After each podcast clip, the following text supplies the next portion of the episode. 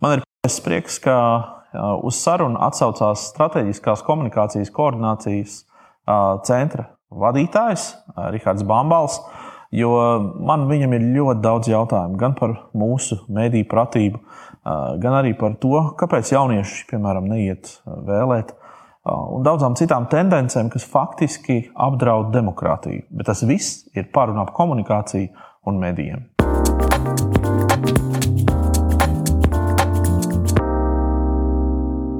Man ir patiesa prieks tevi redzēt un uh, iepazīties beidzot, jo tas, par ko es vienmēr mēdīju sērijās esmu runājis, ir, ka nu, redz, Latvijā mums tomēr nav tāda īsta viena institūcija, kas, piemēram, atbild par mēdīju pratību. Ir viena, otra, trešā, kas kaut ko iestartē, ir kaut kādas izglītības programmas, kas tur uzsākas un tad ir palaižas.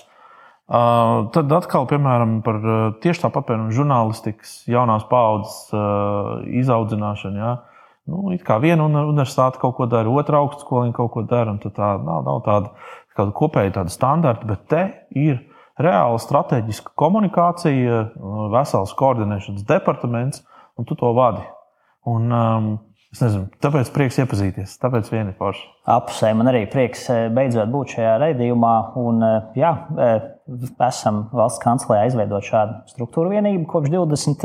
20. gada burtiski nedaudz vairāk kā divi gadi, un nu, nodarbojamies ar visu kaut ko. Cenšamies pārdzēt visu to spēles laukumu. Jā.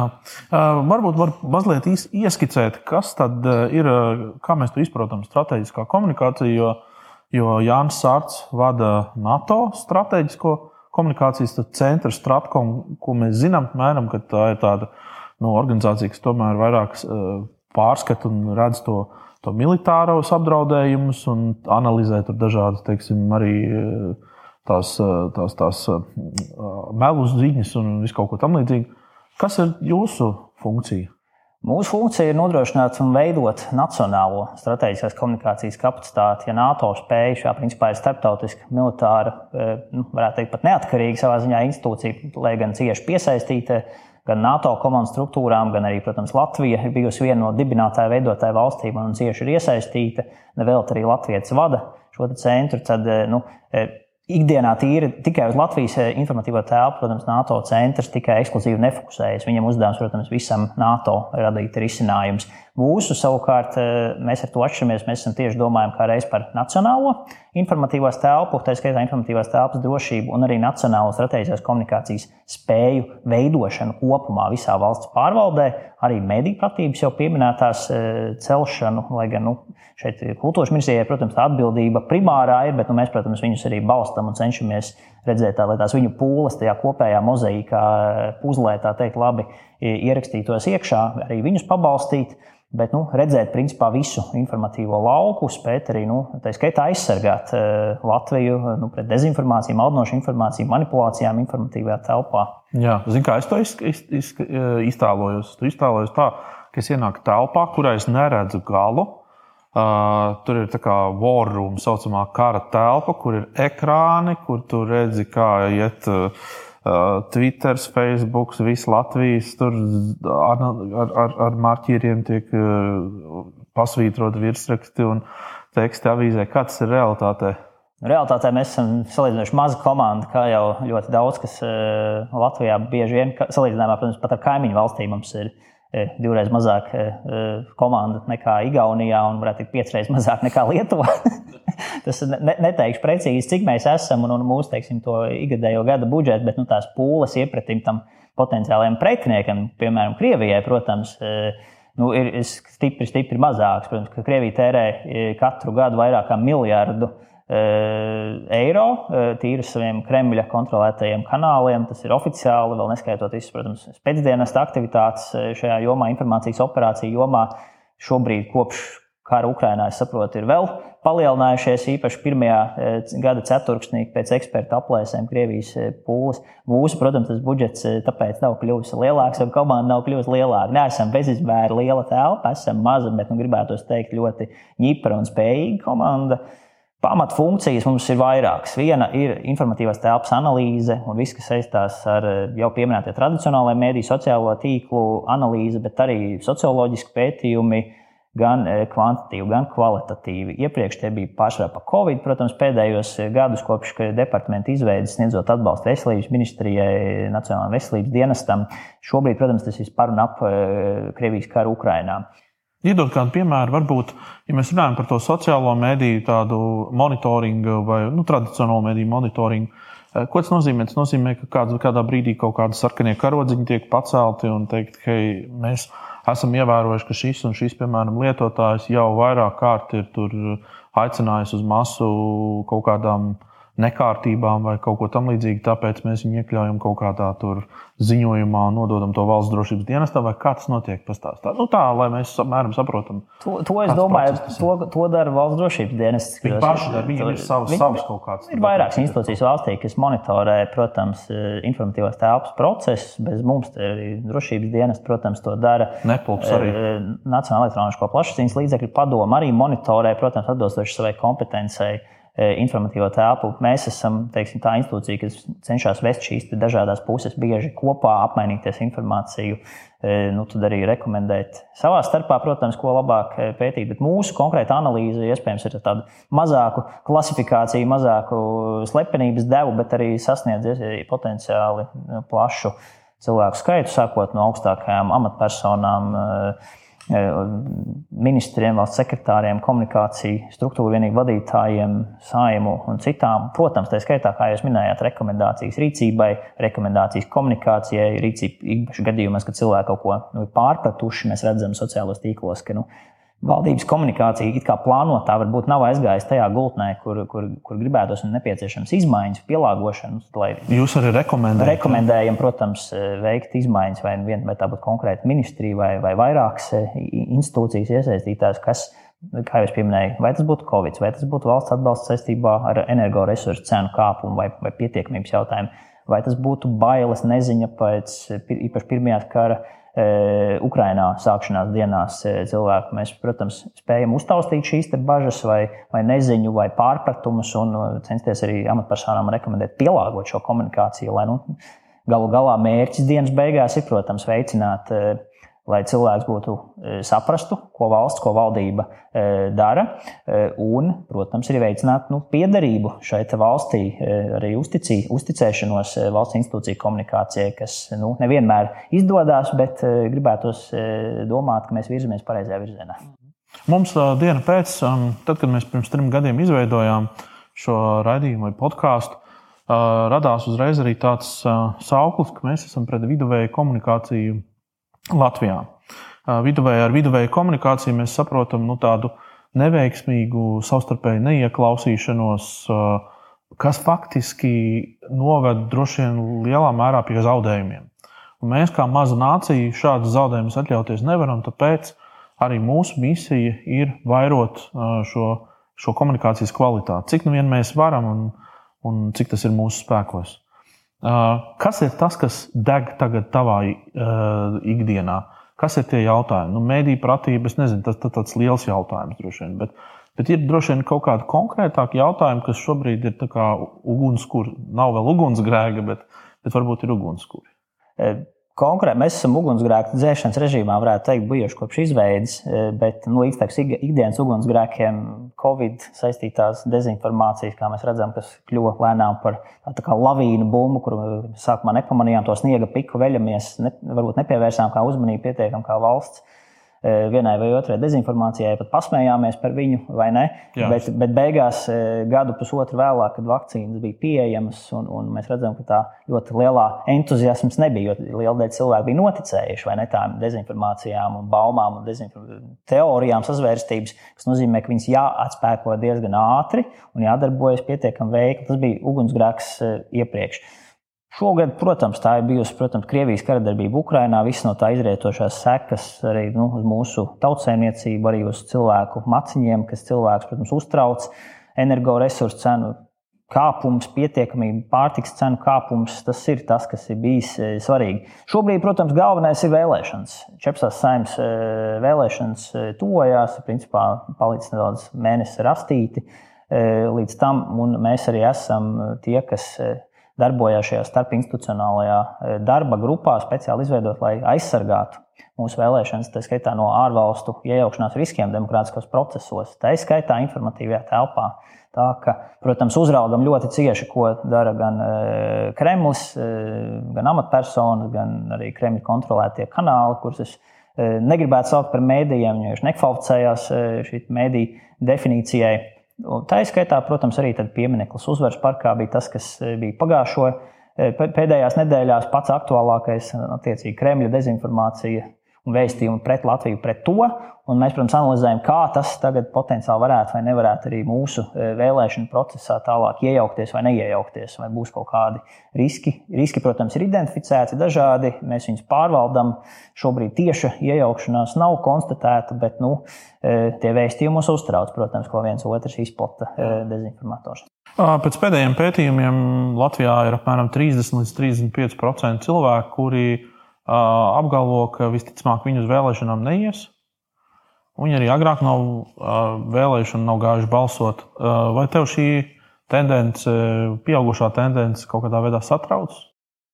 Man viņas satrauc, man viņas satrauc dažādās eh, nozīmēs. Eh, es gan nepiekrītu krītiem 30%. Es domāju, dažādas ir aptaujas. Mums ir arī aptaujas, kas rāda, ka šobrīd kara ietekmē ir cilvēki tiešām mobilizējušies un iespējams pat 80%. Jā, tas bija droši vien no iepriekšējām vēlēšanām. Es tagad tik smalki nezinu par šīm. Pēdējās ir tādas, ka varētu jau teorētiski pat 80%. Tas gan ir ļoti optimistisks scenārijs. Nu, tur izvēlkot eh, eksperti, protams, paņem kaut kāds 10-15% mazāk, bet nu, tā aktivitāte varētu būt pat potenciāli augstāka. Bet tas ir eh, karam pateicoties. Eh, nu, pateicoties pēdiņās, eh, par karu neviens nepriecājās. Nē, nu, to mēs saprotam. Jā, jā. Bet, bet, bet vēl tieši pirms kara sākšanās, vēl šī gada februārī, arī mums bija redzējām Latvijas universitātes pētījums par pēdējām pašvaldību vēlēšanām, izdarot secinājumus, kādēļ tik zema aktivitāte. Un tur, protams, tā tendence bija uztraucoša. Mēs uztraucamies, un mēs uztraucamies īpaši tajā brīdī, kad ir dezinformatori, kas izplatīja vēstījumus, ka šīs vēlēšanas tiks nozagtas, ka tādēļ nav vērts iet uz viņām ka šajās vēlēšanās visas tās sabiedriskās domas aptaujas, kas televīzijā, mēdījos parādās, ka tas viss ir falsificēts, viņiem par sliktu. Nu, šādi vēstījumi izplatās. E, un, e, protams, mērķis kāds tam ir? Nu, mērķis ir mazināt cilvēku aktivitāti vēl vairāk. Jo mazāk cilvēku aiziet e, potenciāli nobalsot, jo nu, arī, protams, šiem cilvēkiem, kas to dara, palielinās pašiem izredzes tikt iekšā, jo viņiem nu, to 5% barjeru ir vieglāk sasniegt. Bet nu, tas arī, protams, teikt, spēlē rokās šiem jau gadu desmitiem, gribētu teikt, izmantotiem Kremļa narratīviem, ka šeit ir brūkoša, neizdevusies valsts, demokrātija tāda ne, neīsta, ja, kopš Padomu Savienības pamešanas un pievienošanās Eiropas Savienībai viss ir teikt, novest līdz kliņķim, kā viņi gribētu pasniegt mūsu. Kaut arī mēs redzam, ka nu, pilnīgi pretējs process, nu, gan statistiski visās pozīcijās. E, gan, gan citādi. Tā, ka, nu, protams, e, tur ir savā ziņā saspēle, nevienmēr apzināta e, starp šiem vēstījumiem, bet nu, tā tendence ir ne, nepatīkama, protams, jo mēs gribam pilsoniski aktīvus cilvēkus. Mēs gribam cilvēkus, kas piedalās. Mēs, mēs domājam, valsts kancelē, mēs gribam, lai cilvēki līdzdarbojās procesos valstī, sākot no savas nezinu, mājas, pārzināšanas ar dalību lielajā talkā vai, vai kaimiņu kaut kādā rajona sakopšanā un beidzot ar nu, tādu, kā saka, pilsoņu pienākumu pildīšanu, arī dalību e, vēlēšanās, nu, dalī, dalību arī nevalstiskajās organizācijās. Vai, nu, protams, mēs esam redzējuši, ka kara ietekmē ir bijusi liela aktivitāte, gan ziedošanas aktivitāte, gan iestāšanās zemesardzē. Zemesardzē, brīv, e, arī šajos rezervistu kursos redzējām, ka augustā bija viens no tādiem rekordiem skaitļiem sasniegts. Tā, ka, protams, ir aktivitāte, ir, ir labās tendences, kas minēja, tā potenciālā vēlētāja aktivitāte arī ir pakāpus augšā. Bet, nu, kā saka, Kremlis un Kremļa aģenti nesnauž, tur cenšas tos vēstījumus izplatīt. Uh -huh. uh, runa arī par jauniešiem, jauniešu pasivitāti, aktivitāti, ka viņus neinteresē ne vēlēšanas, ne arī varbūt kaut kādas citas lietas. Viņi ir arī tie, kas visbiežāk iesaistās dažādu Eh, nu, vien nejauši eh, šo melu ziņu izplatīšanā, eh, fal, fals, falsificētas informācijas kaut kādā ziņā izplatīšanā. Es saprotu, ka ir kaut kāda īpaša iniciatīva tieši saistīta ar jauniešu, jauniešu iesaistīšanu. Jā, mēs valsts kancelē cenšamies uz šīm vēlēšanām jauniešus īpaši mudināt, ar jauniešiem domājot, jaunieši, nu, tie, tos, kas pirmoreiz ir sasnieguši to vecuma robežu, kuriem varbūt vēl 18. gadā, pirms četriem gadiem, bija nu, 16, 17, 15 gadi un nebija vēl tiesības vēlēt. Šobrīd tā barjera ir pārsniegta un iesaistīt viņus šajā procesā, jo mēs redzam, tradicionāli pētījumi rāda, gan pēc pagājušā gada, pēc 2018. gada vēlēšanām, jaunieši vecuma grupā no 18 līdz 24 bija tie, kas vismazāk piedalījās no visām citām eh, potenciālajām vecuma grupām, kam ir tiesības piedalīties. Arī pašvaldību vēlēšanās tikai trešdaļa no visiem demogrāfiski šajā grupā esošiem jauniešiem piedalījās. Uh, tā nu, līdzdalība ir diezgan katastrofāla. Mēs, protams, vēlamies to vērst kaut nedaudz par labu. Esam sākuši valsts kancelei arī nu, komunikācijas kampaņu dažādos, kas sastāvēs no daudziem dažādiem elementiem. Tā skaitā lekcijām skolās, kas ir gan vērstas pret šiem dezinformācijas vēstījumiem par to, ka vēlēšanas ir nozagtas, ka nav jēga iet vēlēt tādēļ, vai, vai, vai, vai ka nav jēga ticēt valstī un, un, un ka, nu, principā, mums jābrauc projām. Nē, paga, ir jēga ticēt valstī vai ne, un tomēr ir, ir, un, bet ir jāpiedalās vēlēšanās. Eh, un, protams, eh, mēs redzam, ka jau pieminētā dezinformācija mediju pratība tur spēlē lielu lomu. Tie paši nu, nāk prātā kultūras ministrijas attaisījuši pētījumus gan 17. gadā, gan 20. gadā. Redzam, ka nu, ja 17. gadā tie bija kaut kādi 40% cilvēki, kas uzskatīja, ka viņi tā nu, diezgan droši jutās par sevi, ka spēja atpazīt eh, dezinformāciju un manipulēt informāciju no patiesām ziņām, tad īstenībā bija jau nokrities līdz ceturtajai daļai tikai no respondentiem 20. gadā. Un jauniešiem tas arī bija apmēram ceturtā daļa, kaut kā 26% tikai jutās tā super pārliecināti par sevi, ka viņi to spēj atšķirt eh, manipulēt saturu no patiesa. Tā ka mēs gribam šīs kampaņas ietvaros pirmkārt motivēt cilvēkus, eh, kam ir beidzot pienākusi iespēja savu balsi par, parādīt un atdot, nepazaudēt šo balsi vai ne, iepratim dezinformātoru Un vienlaikus, protams, izglītot viņus arī par potenciālajām dezinformācijas metodēm, kā šie manipulatori e, īstenībā pat apspiež viņu balsi savā ziņā, pat stāst, ka viņiem nav jēga iet un tādā veidā cenšas panākt sev politisku, ekonomisku vai cita veida labumu, šajā gadījumā politisku. Mēs uh, atzīšamies pirms sarunas. Uh, runājām par tiem iemesliem un motivāciju, kāpēc jaunieši ir tik neaktīvi. Es no sākuma gribētu, tādu, varbūt tādu jums arī ir bijuši droši vien kaut kādi pētījumi un kaut kādi mēģinājumi izdarīt secinājumus, kāpēc tas tā ir. Tad es izstāstīšu to savu versiju, kur. kur Bet kāda ir jums, kā, kāda jums ir tie iemesli, kāpēc jums šķiet, ka jaunieši nav tik aktīvi? Jauniešiem ir vairāk jautājumu, un tas noteikti sasaistās arī to, kādēļ ir vērts iet balsot. Tas viens no iemesliem ir tas, ka viņi neredz, ka viņu jautājumi tiktu risināti, vai tas būtu saimnes līmenī vai, vai, vai, vai ministra kabineta līmenī, vai tas nu, bieži jauniešiem tas ir jautājums, piemēram, no pašām partnerattiecībām, vai tas ir jautājums par zaļo kursu un zaļo politiku. Bet nu, šeit man ir atbilde, ja, jautājumi, ja jums liekas, ka jūsu jautājumi, kas jums ir aktuāli ikdienā, netiek risināti valsts līmenī, tad iespējams, ka nu, jūs vienkārši neesat palaiduši garām iespējams e, savu balsti atdot. Ja jūs savu balsi neatdodat, jūs neaiziet uz vēlēšanām, tad tās jūsu intereses tur nebūs. Tad būs kāda cita intereses tur pārstāvētas. Tā ka, protams, ir tie jautājumi, kas ir jauniešiem aktuāli. Vai tas būtu augstākā izglītība, vai tas būtu sports, vai tie būtu nu, dažādas intereses. Protams, es neminēšu, nespekulēšu par viņām visām. Bet būtiski ir nu, tas viņu intereses, vai viņus interesējošie jautājumi nu, valstī neparādās. Otrs, bet, bet tas sanāk, ka no vienas puses tu to nevari īstenībā ietekmēt. Jo politiķu dienas kārtībā šie jautājumi nav. Tad tas ir viss solis jautājums. Ir, ja mēs gribētu iesaistīt jauniešus, politiķiem vajadzētu radīt kaut kādu jauniešu to, to, to programmu kaut kādu viņiem. Viņiem viņi neko tādu neredz. Tas nozīmē, ka viņi nu, ne, ne, nesaredz to. Kā tur ir? To? Es domāju, ka nav tik slikti. Mums, mums ir daudz arī tādas pilsoniskās iniciatīvas, gan, gan jauniešu saimas. Gan... Nu jā, it kā ir. Viņas vienkārši neredz, lai būtu tik daudz. Tieši tā. Viņu produktus saražoto neredz tik ļoti.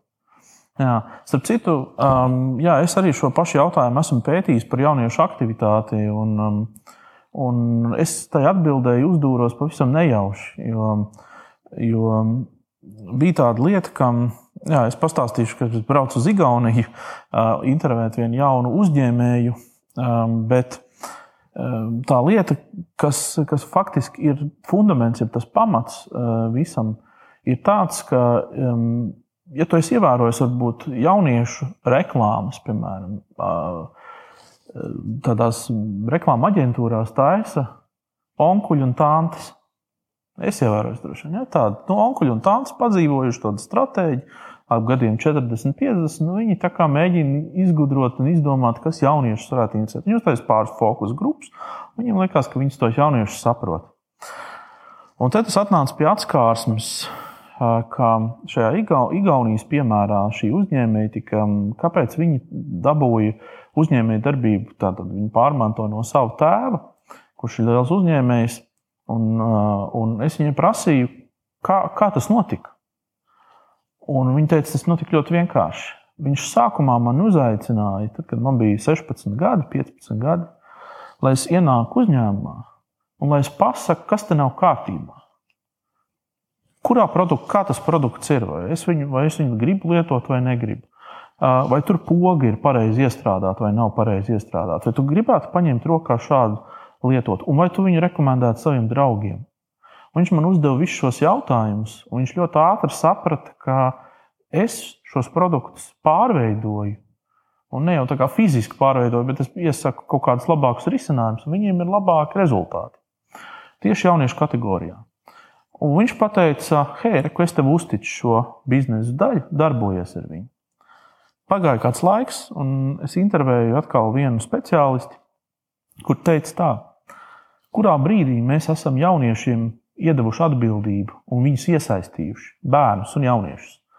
Kad mēs viņiem esam pajautājuši, piemēram, vai tu gribi tā, vai tu gribi šādi, piemēram, nu, piemēram skolā, ja, cik daudz ir Latvijā tādas skolas, kuras, piemēram, ja jauniešiem ļauj izlemt, vai viņi, piemēram, pēc pusdienām grib sporta stundas, cik daudz ir tādu, piemēram, kurš saka, mēs Mēs nevēlamies četras kontroldarbus pēc kārtas. Mums vajag kaut kādas izmaiņas, un skola to ņem vērā. Cik daudz ir šādas iestādes? Un tad tas nozīmē, ko tas nozīmē? To, ka uh, mēs viņus neiesaistām, un tad, kad pienāk laiks viņiem balsot, vēlēt, viņi pasakā, viņi, nu, kā saka, bet tas taču neatiecas uz mums. Viņi vienkārši nav pieraduši, ka kāds viņus iesaista un, un, pie, un, un, un, un prasa viņu viedokli. Un mēs esam faktiski ar paudžu paudzēm izaudzinājuši nu, cilvēkus, kuri uh, sāka raisīties vaļā tikai nu, kaut kādos 30 gados, kad viņi ir guvuši pirmo pieredzi, izgājuši kaut kādus tos saucamus internu gadus, ja tur 20 gadus, kur 20 gadnieki, ja kur joprojām tu jūties kā bērns visur ārzemēs, kur tiek iesaistīti, ja tur ir šie jaunieši, sāk veidot biznesu 11 gadu vecumā, viņi tiek iesaistīti, viņi iet pilsoniski aktīvās darbībās, ja viņš ir tur demokrātu čempions jau 22 gadu vecumā, ja sasniedzis kaut kādu līmeni vai republikāns, ja, un, un, un tā tālāk. Ko tas nozīmē? Mēs tos bērnus vienkārši audzinot, viņus neiesaistam nekur. Mēs viņiem pasakām klusu, šis būs tas, kā tas būs. Ja? Šis būs tas, kā tu aizvedīsi dienu. Tu iesi uz peldēšanu, tu iesi uz muzikas skolu, tu, un, un nav šī bērna izvēle. Nu, es nerunāju par visām ģimenēm, es tā kā nepārspīlēju. Ko tu saki par šo teoriju? Nu, es laikam pats apgāstu to teoriju. Es nāku no skolas, kur es gan piedalījos, gan pašpārvalde, biju gan pašpārvaldes skolēnu eh, skolā, eh, vidusskolas eh, laikā, gan arī Eh, skolas avīzes, piemēram, ko izdod, kas, manuprāt, ir ļoti lieliska iniciatīva, kas arī pēc tam mediju pratībai palīdz, ja tu saproti, kā veidot ziņas, ja tu iejūties tā teikt, žurnālisti tādā. Kādos tu sāki karjeru? Es sāku uzreiz pēc, eh, pēc bakalaura iegūšanas. Lūdzu, tā ir atbilde uz jautājumu. Uh, zini, cik, zin, cik gados es sāku strādāt televīzijā? 12 gados. 12 gados es sāku žurnālistikas karjeru. Uh, kāpēc? Tāpēc, ka man viss tika atļauts, es visur tiku iesaistīts, es pats gāju ar savu iniciatīvu. Man, manī, visur, kur es gāju, durvis tika atvērtas. Pieaugušie runāja ar mani kā ar līdzvērtīgu. Un man nekad, nevienā brīdī neradās tas, es, tas, tas, ka no manis nekas nav atkarīgs. 18 gados es biju tas, kurš aizgāja novēlēt pirmo, pirmo, pirmo reizi. Es domāju, ka tev diezgan līdzīgi, vai ne? Mēs esam burbulis. Bet, ja mēs runājam par tādu vispārīgu, nu, tādu vispārīgu priekšstatu, mēs varam būt, ka varētu secināt, ka šis ir kaut kas tāds, kas, kas ir varbūt mūsu tāda, varbūt kultūras iezīme. Nu, tas ir noteikti kaut kas, kas ir jāpapēta dziļāk. Es domāju, viens no secinājumiem ir, ka mums nav tāda ļoti, ļoti visaptvaroša pētījuma tieši par jauniešiem. Mēs sapratām, piemēram, pagājušo gadu tikai 21. gadā, ka mums nav bijuši arī par senioriem, īpaši vecuma grupās virs 65, kas izkrīt ārpus tradicionālās, teiksim, tās grupas, ko Jā. Eh, sociologu eh, kompānijas eh, aptaujā, vai ne? Bet mums bija tieši jautājums par kā panākt, motivēt viņus Covid vakcīnu ņemt pretim, jo bija diezgan liela problēma šajās riska grupās. Ar jauniešiem ir ļoti, manuprāt, līdzīgi. Mēs nezinām par viņiem daudz ko. Mums nav arī, teiksim, daudz kas balstās uz minējumiem. Neslēpšu, ka līdzīgi mums gāja arī ar senioriem. Ļoti daudz kas balstās uz kaut kādiem stereotipiem vai tuvāko ģimeni. Ja manam vectēvam vai manai mammai ir tā, tad attiecīgi visi tā ir. Kaut kāda vispārinoša tāda secinājuma. Ne par, jā, ir... Es saprotu, ka tas ir par vispārināšanu, bet es arī nedomāju, protams, ka gan vienā, gan otrā pusē ir izņēmumi. Bet, ja mēs skatāmies, piemēram, tu, tu nevar noliegt tās tendences, kas ir piemēram Amerikas Savienotajās valstīs. Bērnu audzināšanā un izglītībā, vai Kanādā, piemēram, salīdzinot ar Latviju, kur tu sēdi skolā kārtīgi raksti no kontrola darbus, pildi mājas darbus un es ielikts rāmī no tikiem līdz tikiem 12 gadu garumā. Nu, tā ir.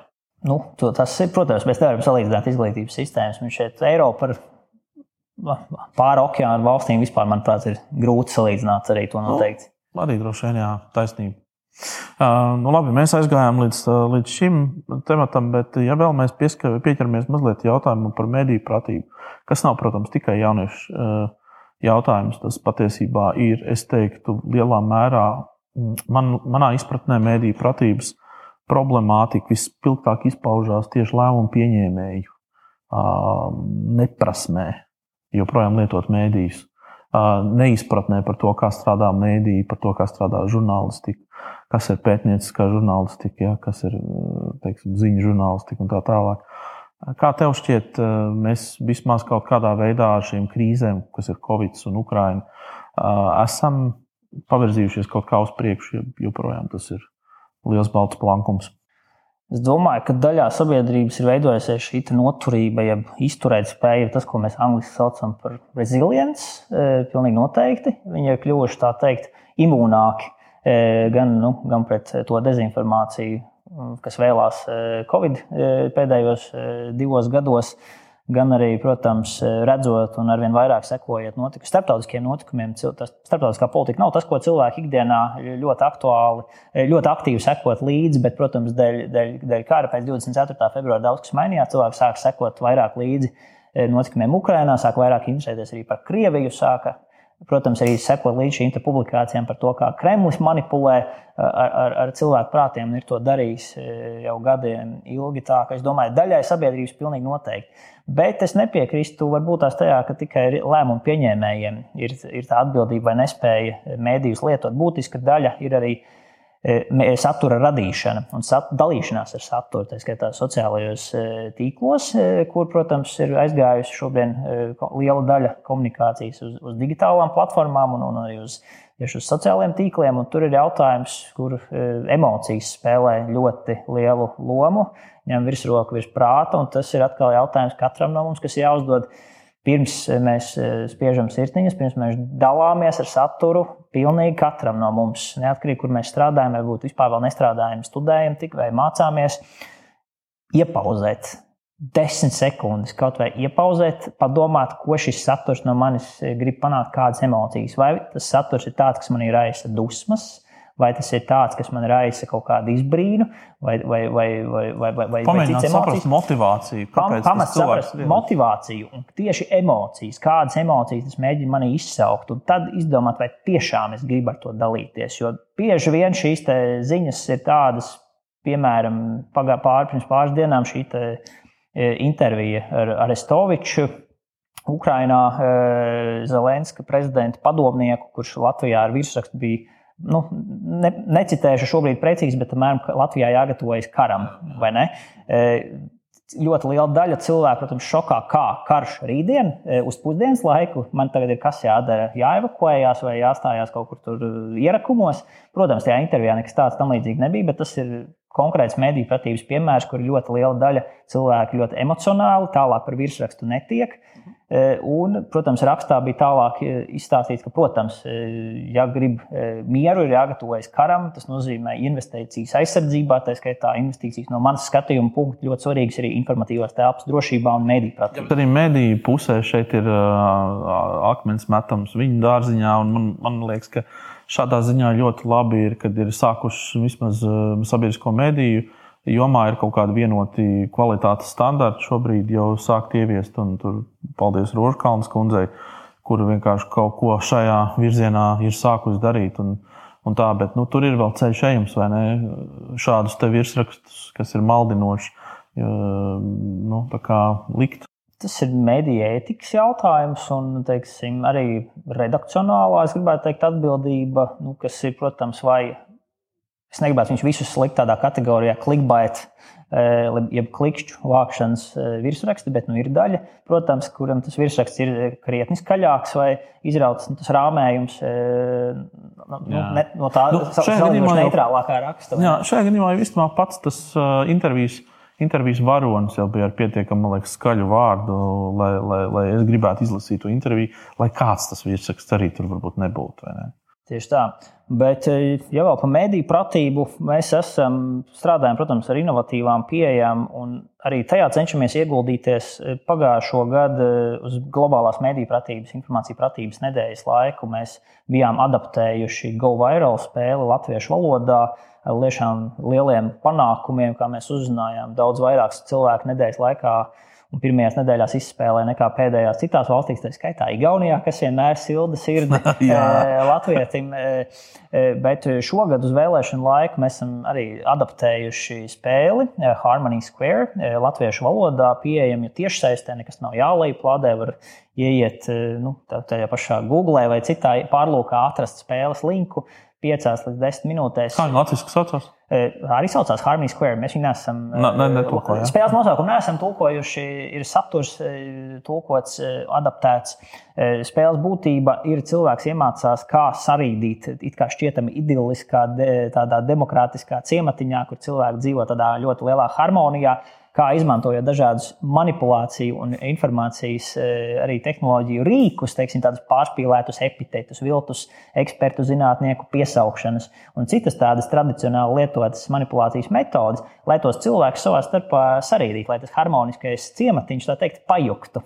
Eh, eh, spēles būtība vienkārši tā nav, protams, izklaid, tikai izklaidējoša spēle, tas ir iemācīties caur dezinformācijas manipulāciju radīšanu, kā šīs manipulācijas tādā ļoti drošā vidē. Ja, kā, radī, kā strādā manipulators, kā strādā dezinformators, lai nākamreiz, kad mēs viņus redzam īstajā dzīvē, īpaši priekšvēlēšana laikā, kad viens otrs, protams, kandidāts nu, dažādām partijām, es domāju, vienu vai otru metodu lietos. Lai cilvēki spētu pamanīt, protams, un šīs spēles auditori ir jaunieši un, un, un jauni spēlētāji. Tā kā mēs ceram, ka arī tādā veidā mēs viņus ieinteresēsim. Nu, kas ir vieglākais veids, kā pretoties šiem dezinformācijas vēstījumiem, kas saka, ka nu, tavai balsī nav nozīmes, vai, vai tava balss tiks pazaudēta, vai šī valsts ir nozagta. Nu, vieglākais veids, kā tam pretoties, ir aiziet un nobalsot. Vienalga par kuru politisko spēku galu galā, kurš, nu, protams, ir tuvāks tam kandidātam, kurš tās intereses viņam ir. Jo pretējā gadījumā tās eh, cilvēki, eh, jauniešu intereses nebūs parlamentā, būs citu Būs, būs, būs seniori, būs pensionāri intereses, būs citu būs citu inter būs intereses. Citu intereses. Bet nebūs jaunieši mums jau piesaukt nu intereses. Ja mēs viņus tur gribam, ja jaunietis grib būt pārstāvēts lai, un redzēt, ka parlaments un valdība un, un, un visas institūcijas tālāk arī strādā pie tiem jautājumiem, kas viņiem ir svarīgi, nu, tad e, pavisam elementāri 1. oktobrī tikai jāpārbauda iepriekš, vai derīgs dokuments un jāaiziet novēlēt. Mm -hmm.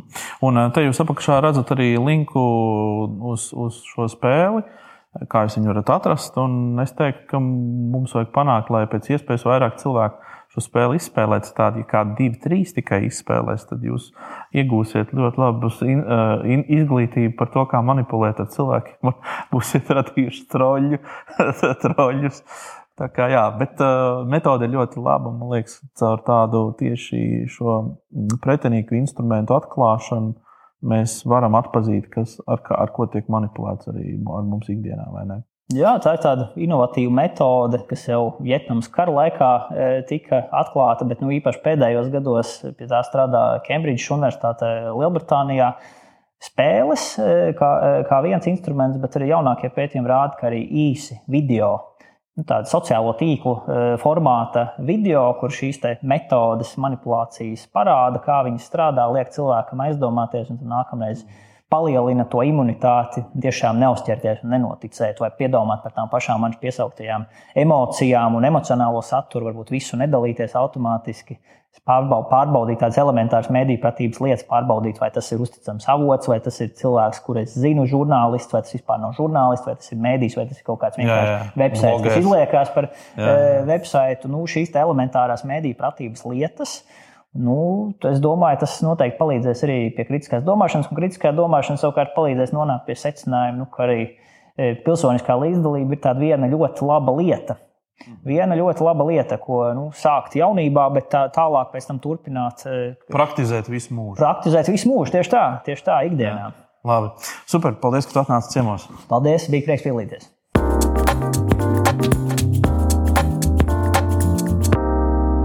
Tas, kas noteikti man palika atmiņā no šīs sarunas, un ko es noteikti arī paņemšu līdzi citās intervijās, ir Rahards stāstītais par to, ka, kā mums ir nepieciešams iesaistīt jauniešus. Un, tas droši vien tā atbilde ir uz jautājumu darīt tā, kā viņiem tas ir ierasts, ar spēļošanu, ar dažādām interesantām iesaistas metodēm. Um, par to noteikti mēs parunāsim arī kādā citā mēdīju sērijā.